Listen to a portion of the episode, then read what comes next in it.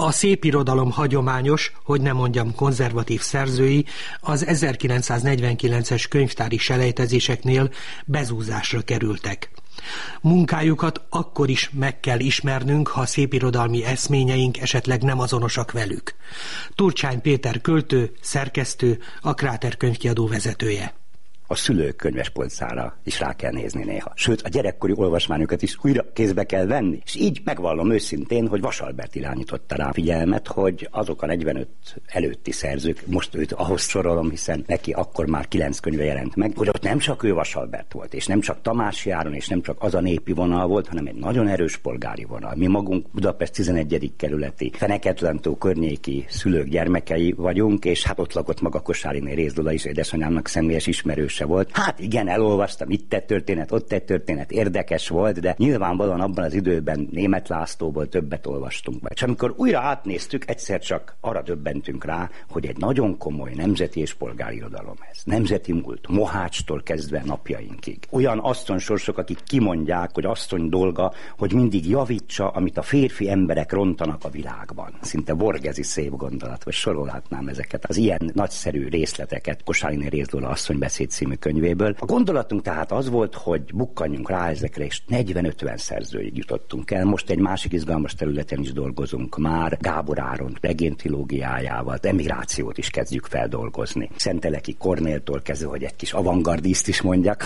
akinek ugyanennek a korszaknak volt kiváló írója. Vagy Vécsei Zoltán, aki Kassa nagy tragédiáját írta meg. Hát milyen fantasztikus dolog az, hogy elolvassuk Vasalbertnél a Jönnek, adjátok vissza a hegyeimet, itt pedig már a 30-as években meg megírták a trianoni tragédiákat, sorba a szerzők, maga Herceg Ferencnek is van egy ilyen könyve, és ez lépcső, ezen járni kell, ez olvasóknak ezen végig kell menni ahhoz, hogy megértsük akár Sántát, vagy megértsük a mai íróinkat, Jókai Annát, Szabó Magdát is. Nem lehet kihagyni ebből a sorból természetszerűen Berdemáriát, vagy Gulácsi Irént. Amikor Trianon megtörténik, akkor nem, hogy összeomlik a szellemi élet, hanem pont Nagybányán az írók sereglése jelzi, Benedek Elek is mozgósító erővé válik, de Tersánszki Józsi Jenő regényt ír a művésztelepről, és leírják azt a hihetetlen szellemi pesgést, ami az újra szerveződés, az újrafogalmazás indulatából fakadt. Párhuzamba együtt lépünk, sorolhatnék más, akár erdélyi kiadókat is, fontos. És igen, ez a generáció 1919 után gyógyította a lelket. Kosztolányival az élén, tehát Babicsot nem kell mondanom. Babics a pacifizmus nagyköltő, egyszer csak a nemzet nagyköltője lett. A kritika még csak-csak foglalkozik azokkal a könyvekkel, amik frissen megjelennek, de nagyon sokszor úgy érzem, hogy az a bizonyos kánon, amely annyiféle ahány irodalom történész, a sokkal kevésbé vesz tudomást nem is a kismesterekről, hanem azokról a fontos alapművekről, amelyekről egyébként véleményt alkot. Igen, a fogalmakat tisztázni kell. Én is nagyon sokszor belebotlok ebbe, sorolhatom nagyon jó emlékeket, Márkus Bélát, te is ismered, Berta Zoltánt, akik mindig említették ezeket a nagyszerű írókat, de van egy nagy tévedés. Nem az ő tévedésük a köztudatnak, nem kismesterekről van szó. Egy négy kötetes asszony regény, amely generációról generációra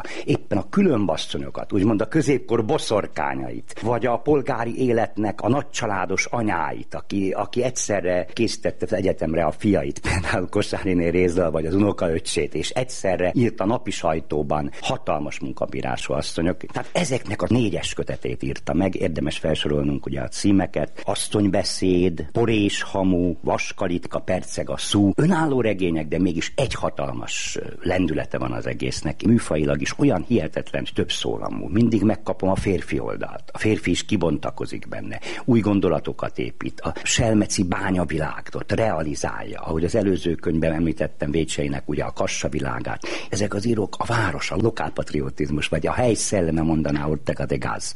Ez a korszak. Ők ugyanúgy élén voltak a korszakuknak, mint a világ bármely később Nobel-díjas szerzői. Kiváló irodalom. Elméleti feladatai is lennének az embernek, nem csak szerkesztői feladatai. Hogy helyükön legyenek ezek a művek, természetesen tudjuk, hogy kik a meghatározó nagy alakok, hogy Adi volt a legnagyobb a 20. század fordulóján, tudjuk, hogy József Attila nélkülözhetetlen és letehetetlen, de bátran hozzá kell nyúlnunk azokhoz is, akiket eddig nem tartottunk számon. költők felé a szót, de Toldalagi Pált itt ebbe a sorba meg kell említenem, hiszen Pilinszki Toldalagi nélkül nem lett volna az. Maradjunk a regényirodalomnál. Most ez a sorozat, az Aranyörök sorozat, amit kiadunk, a regényirodalmat akarja újjáteremteni. Valószínűleg egy új magyar irodalmat kellene megversenyeztetni. Hogy annak idején a világirodalomban kiemelkedett végül is Szerbantal, én bízok abba, hogy a középgeneráció, a fiatalabb generáció, vagy az Erdélyből átjött írók között, kritikusok között is tessék ösztöndíjakat adni, tessék feldolgozni ezt az időszakot, és attól kezdve sokkal kényelmesebben az iskolákban már én nagyon nagy szükségét látom egy szellemi mérőszalagnak, ami helyreállítja az értékrendet. Kicsit bolondnak néztek engem nyáron a barátaim, mert a tengerparton kritikákat olvastam, olyan kritikákat, amik átfogták az egész századot, sőt, tán még túl is nyúltak rajta. Kisbán Miklós, azaz Bánfi Miklósnak az életművét elemezte, szembetűnő volt, hogy Adi írt róla rendkívül elismerően, hogy a korabeli irodalom minden nagyja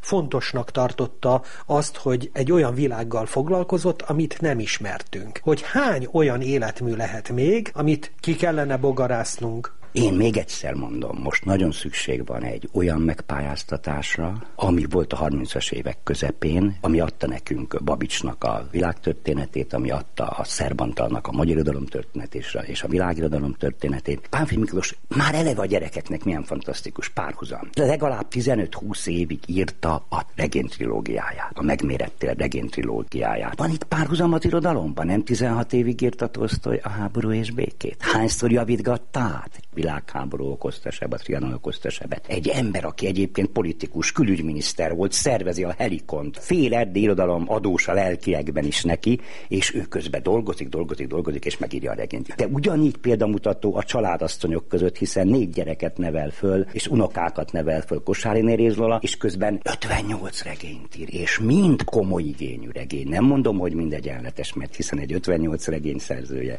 én nem mondhatom, hogy mindegyenletes, de nagy részt mi 10-14 kötetet tervezünk az életműsorozat kiadásában. Mielőtt a szellemtörténet felé kanyarodnánk, nekem Kisbán Miklós, illetve Bánfi Miklós azért is kedvencem, mert irodalom szervezőként zseniális volt.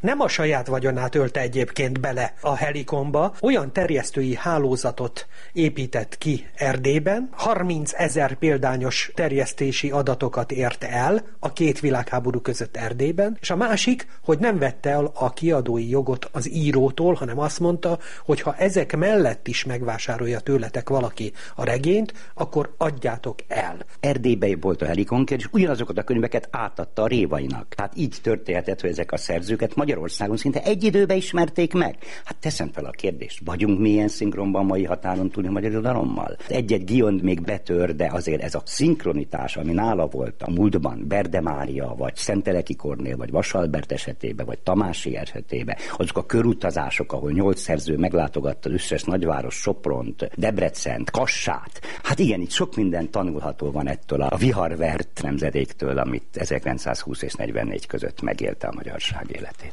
Bizonyos értelemben az irodalomnak mindig közéleti szerepe van, sőt nem félek kimondani politikai is. A politikai konzervativizmus is kihullott az emlékezetünkből, és néha én a történész társakon minden jó szándék és erőfeszítés ellenére érzem, hogy a fél évszázados gond gondolkodási rend az nagyon erős és mély, szinte néha jóvá tehetetlen nyomokat hagyott. Talán kevesen tudják, hogy kb. 3-4 évvel ezelőtt szúnyeg alá söpört történelem címen 30-40-50 könyvet adtunk ki történészektől, néprajzosaktól. Ebből egy-kettőt kiemelnék. Például ilyent, hogy Rugonfalvi Kis István, a Debreceni Társadalomtudományi Egyetem rektora volt még a 30-as években, vagy Hankis János, szintén bölcsészkari vezető volt. Két könyvét jelentettük meg, kereszténység és magyarság például Rugonfalvinak a nemes székely nemzetképe. Miért fontos ez? A francia kultúra legmagasabb színvonalán alkotott. A francia történész iskolák a 80-as években hozzák felszínre azokat az eszközöket, amiket a Rugonfalvi kis és kicsi székely és erdély szerető csapata 1912-től kezdve 39-ig dolgoztak ezen a könyvön. Minden egyes székely falunak a legkisebb mesterének az életrajza két mondatban szerepel benne. Vagy a minden falunak a történetében elemzik, hogy ebben a tragikus húsz évben ki hogyan vészeli át a kisebbséget. Turcsány Péter a magyar irodalom elfeledett szerzőiről, a kiadó kellő és tiszteletre méltó elfogultságával beszélt.